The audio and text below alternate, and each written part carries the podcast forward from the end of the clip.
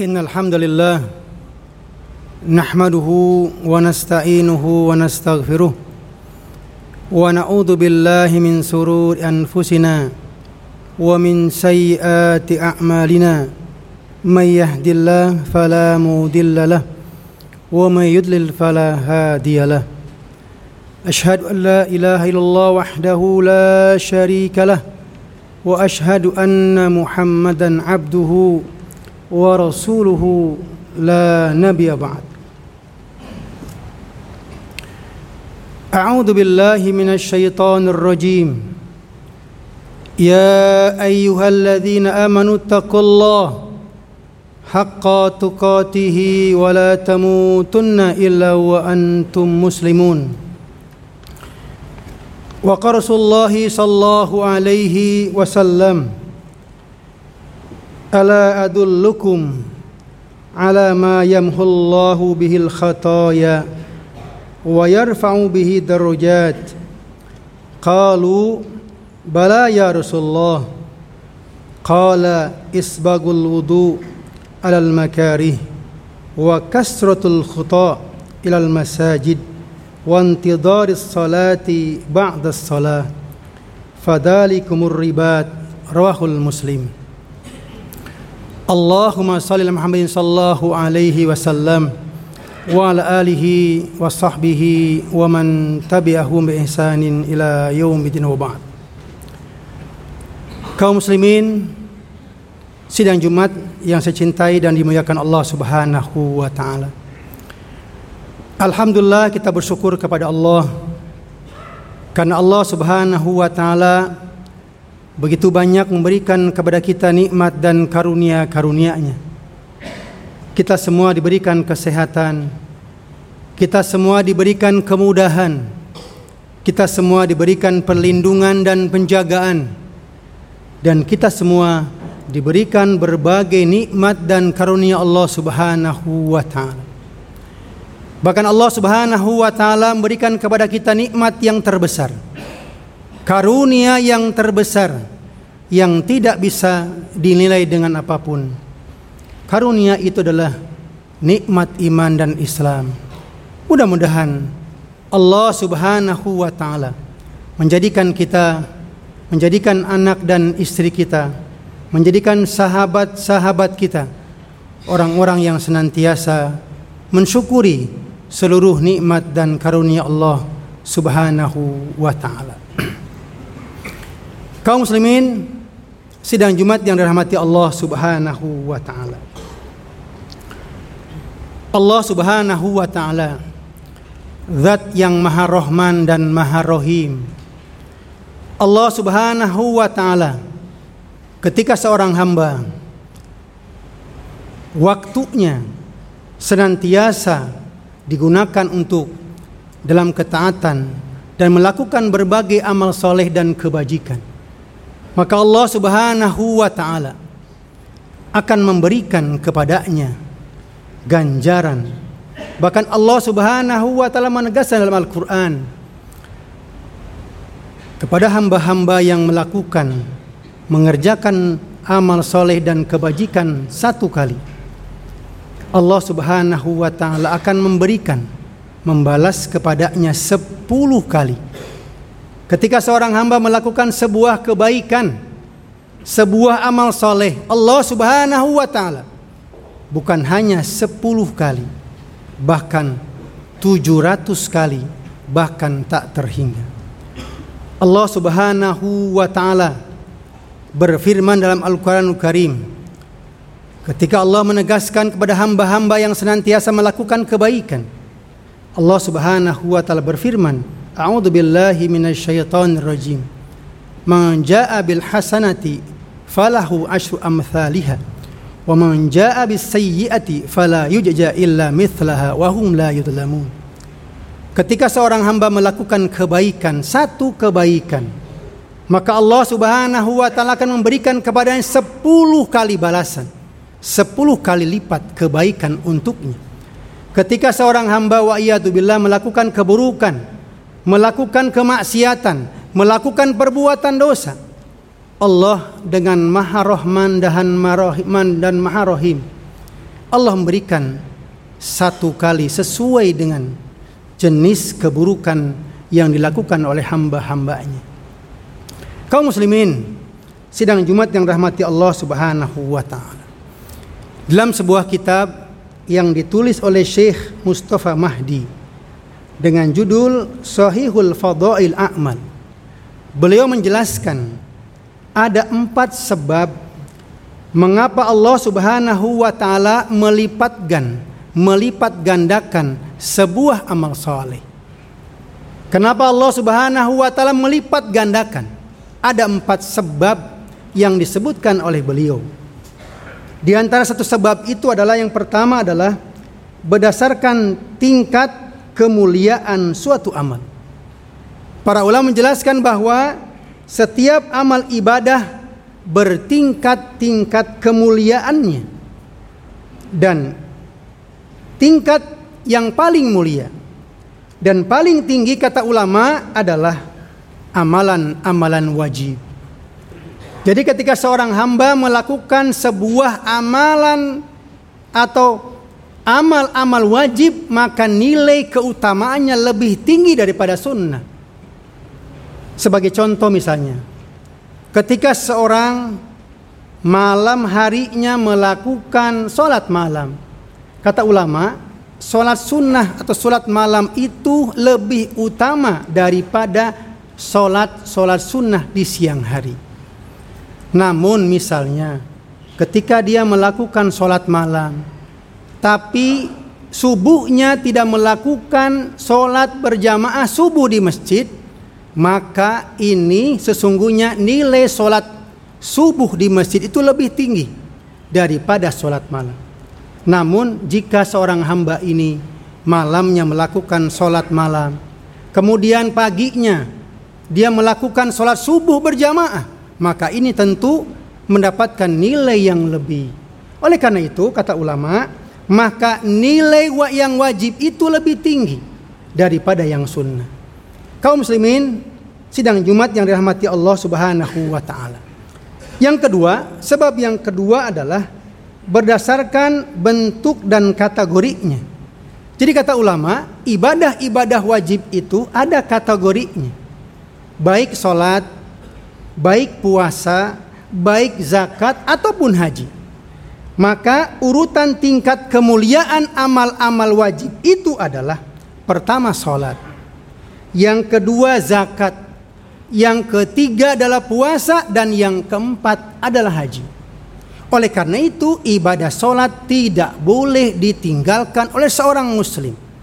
Apa pun, di mana pun dan dalam keadaan apa pun. Itulah yang dilakukan Rasulullah Sallallahu Alaihi Wasallam. Sahabat-sahabat Rasulullah Sallallahu Alaihi Wasallam dan orang-orang yang saleh tidak pernah mereka meninggalkan solat yang lima waktu karena derajat amalnya yang paling tinggi. Ketika seorang seorang Muslim tidak bisa solat dengan berdiri, boleh dengan duduk. Ketika tidak sanggup dengan duduk, boleh dengan berbaring. Ketika berbaring tidak sanggup, maka dia boleh dengan isyarat. Adakah seperti itu? Ada. Ada orang-orang yang tidak sanggup, maka dia boleh dengan isyarat. Karena Allah Subhanahu wa taala Maha Pemurah, Maha Rahman dan Maha Rohim. Oleh karena itu, dalam keadaan apa pun seorang muslim tidak boleh meninggalkan solat yang lima waktu. Apakah para abang-abang ojek, apakah pengendara pengendara mikrolet ataukah pengendara-pengendara bis tidak boleh dia meninggalkan sholat yang lima waktu.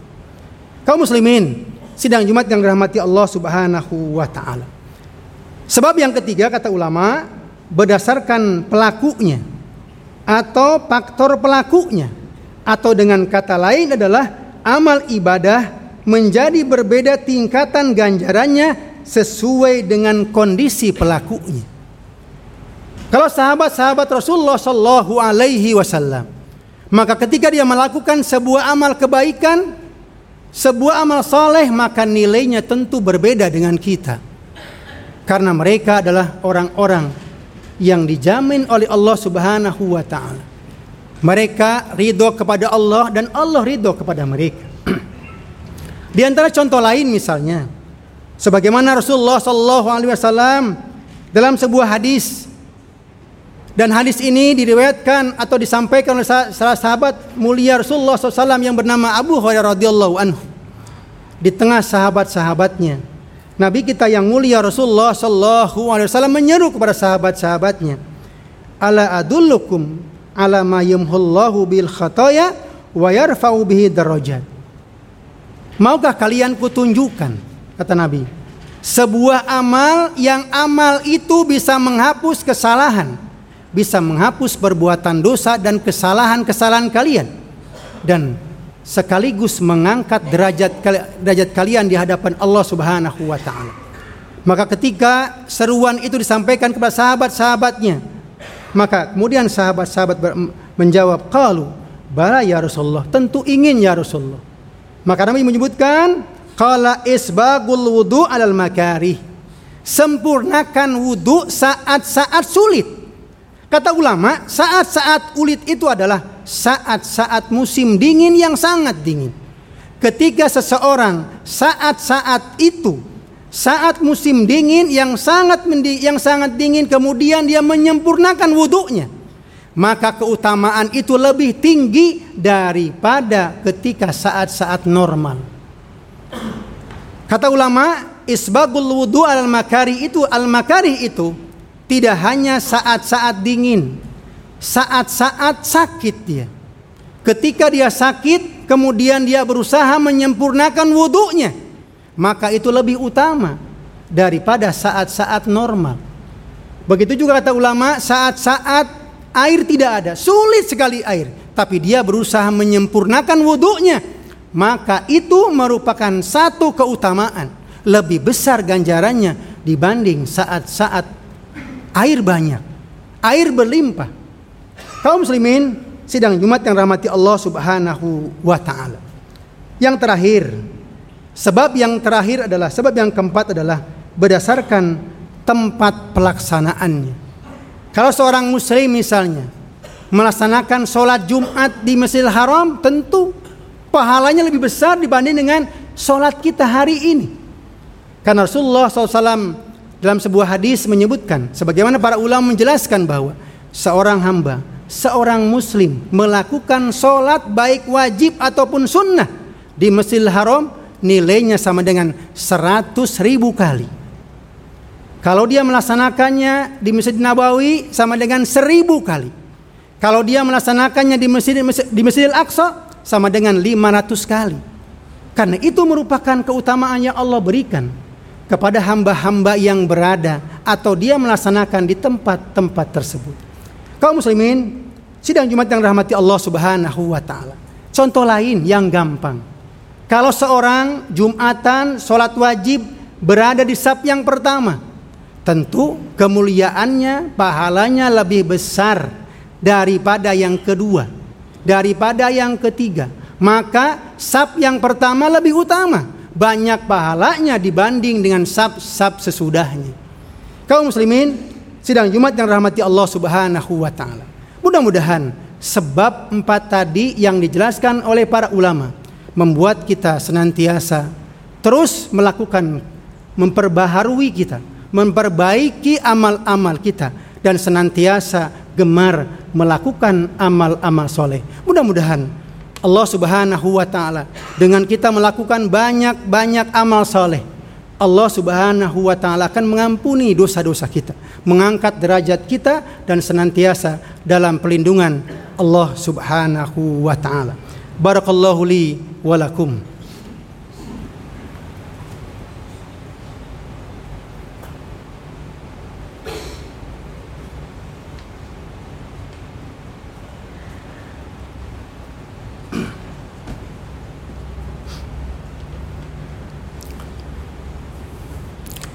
Alhamdulillahirrabbilalamin Wassalatu wassalamu ala asrafil anbiya wal mursalin. Wa ala alihi wa sahbihi wa man tabi'ahum ihsanin ila yaumidin Ashadu an la ilaha illallah wahdahu la sharika lah. Wa ashadu anna muhammadan abduhu wa rasuluhu la nabiya ba'd. Kaum muslimin sidang Jumat dan rahmati Allah subhanahu wa ta'ala. Pada khutbah yang kedua ini saya mengajak diri saya dan semua yang hadir untuk senantiasa beriman dan bertakwa kepada Allah Subhanahu wa taala. Para ulama menjelaskan dan menegaskan bahwa takwa merupakan jalan terbaik. Takwa merupakan jalan yang mendatangkan keuntungan dunia dan akhirat. Mudah-mudahan Allah Subhanahu wa taala menjadikan kita menjadikan anak dan istri kita, menjadikan sahabat-sahabat kita orang-orang yang senantiasa beriman dan bertakwa kepada Allah Subhanahu wa taala. Allahumma shalli ala Muhammad wa ala ali Muhammad kama shallaita ala Ibrahim wa ala ali Ibrahim wa barik ala Muhammad wa ala ali Muhammad kama barakta ala Ibrahim innaka Hamidum Majid. Rabbana ighfir lana wa liwalidina wa lil mu'minina yawma yaqumul hisab. Rabbana dhalamna anfusana وإن لم تغفر لنا وترحمنا لنكونن من الخاسرين اللهم اغفر لنا وللمسلمين والمسلمات والمؤمنين والمؤمنات الأحياء منهم والأموات إنك سميع قريب مجيب دعوات يا قاضي الحاجات Ya Allah, ya Tuhan kami, ampunilah dosa-dosa dan kesalahan kami. Ampunilah dosa-dosa dan kesalahan kedua orang tua kami. Sayangilah mereka sebagaimana mereka menyayangi kami ketika kami kecil. Ya Allah, ya Tuhan kami, tuntun dan tunjukilah kami kepada jalan yang lurus, jalan yang mendatangkan ampunan dan keredoanmu. Ya Allah, zat yang maha pelindung lagi maha penjaga, anugerahkanlah kepada kami lisan yang senantiasa basah dengan memujimu lisan yang senantiasa basah dengan tasbih dan lisan yang senantiasa memohon ampunan kepadamu ya Allah.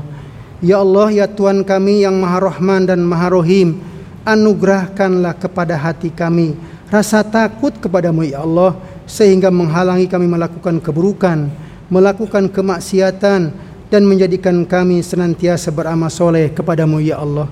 Ya Allah yang maha pengasih lagi maha penyayang Anugerahkanlah kepada kami ketaatan, ketakwaan, kesolehan, keistiqomahan, perlindungan, penjagaan, ketabahan, kemudahan, rasa syukur, sikap ihsan, pemaaf, kesehatan dan keberkahan. Keberkahan untuk umur kami dan keberkahan untuk harta kami. Rabbana hablana min azwajina wa dhurriyyatina qurrata a'yun waj'alna lil muttaqina imama. Rabbana atina fid dunya hasanah wa fil akhirati hasanah wa qina adzabannar subhanakallahumma bihamdika syadu an la ilaha illa anta astaghfiruka wa atubu ilaika. Walhamdulillah wa aqimissalah